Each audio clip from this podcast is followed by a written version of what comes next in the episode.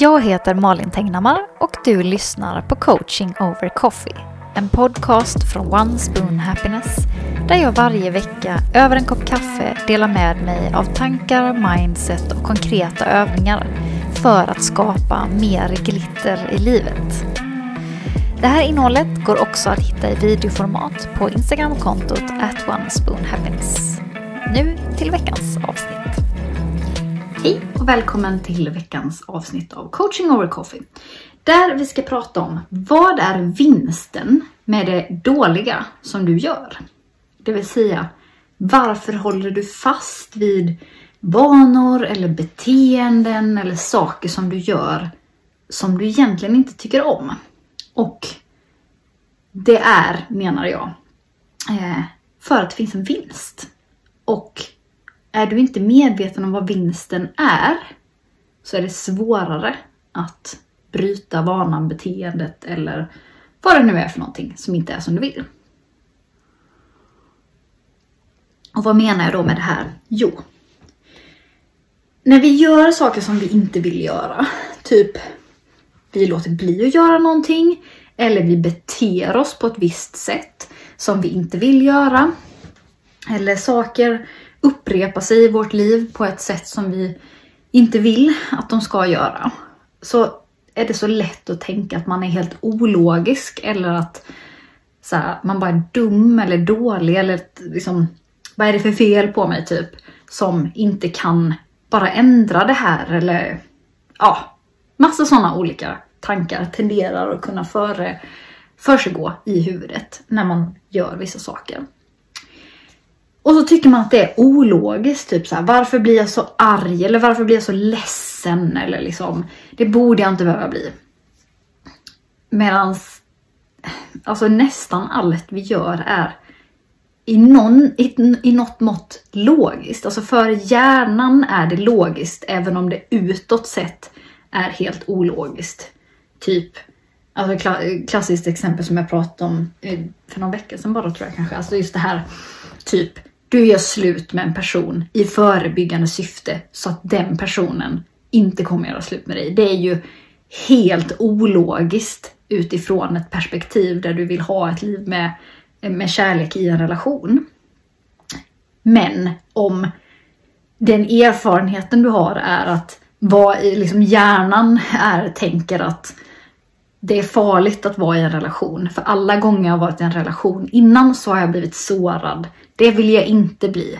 Alltså avslutar jag det här själv först. Eller jag beter mig på ett väldigt jobbigt sätt så att det säkert tar slut. Eh, men det finns ju en, en logik med det. Och vinsten i det sammanhanget är ju jag slipper bli dumpad. Typ. Om jag dumpar någon så slipper jag bli dumpad. Det är vinsten. Eh, sen är ju inte det i längden så himla mycket vinning. Men och liksom när man ser det så utifrån när man ser det på någon annan, ja men då är det så lätt att se vinsten. Men jag tänker, det, det, det här finns liksom i, i allt. Med varför du inte gör det där som känns så himla viktigt att göra.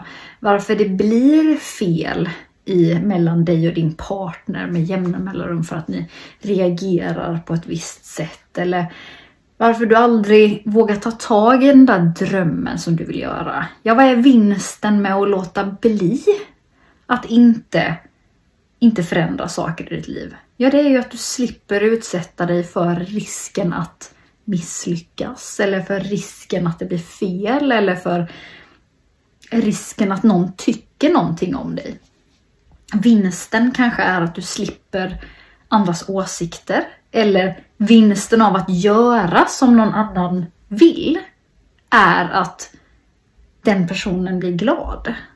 Du slipper må dåligt på olika sätt eller du, ja men så här, fundera på det. Eh, ta någonting i ditt liv som du har hållit på med en stund, men som du önskar vore på ett annat sätt. Och ställ dig själv frågan och försök svara så ärligt som möjligt. Vad är vinsten med det här beteendet? Och det kan ju vara jättetydligt, väldigt lätt att hitta eller väldigt svårt.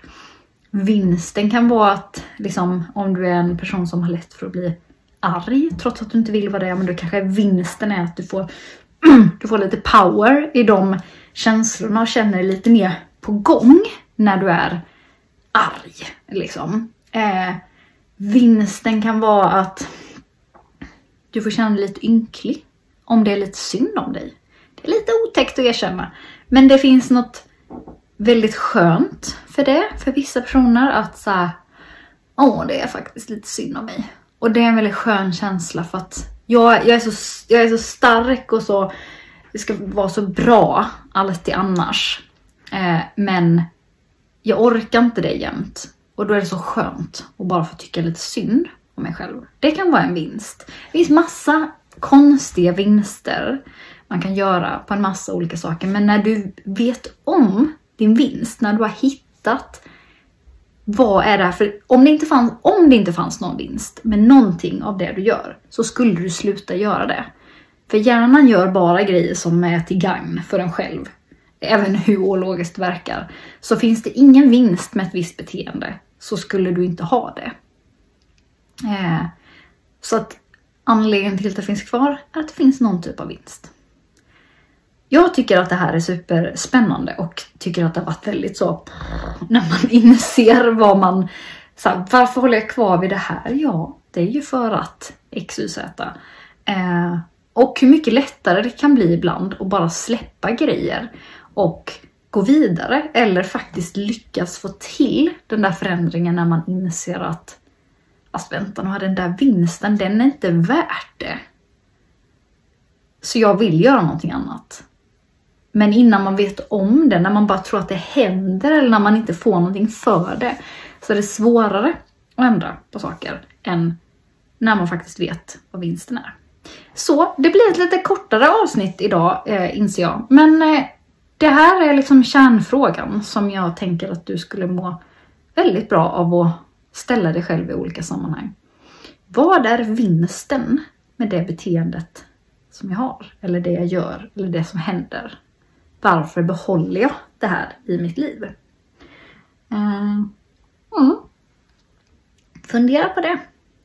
Och har du några tankar så är du såklart varmt välkommen att dela med dig. Annars så hörs vi igen i nästa vecka. Ha det så bra till det. Det här var allt för den här veckan. Och tyckte du om innehållet i den här podcasten är min rekommendation att du går in på Instagram och följer mig på @onespoonhappiness för mer daglig inspiration. Vi ses igen nästa vecka.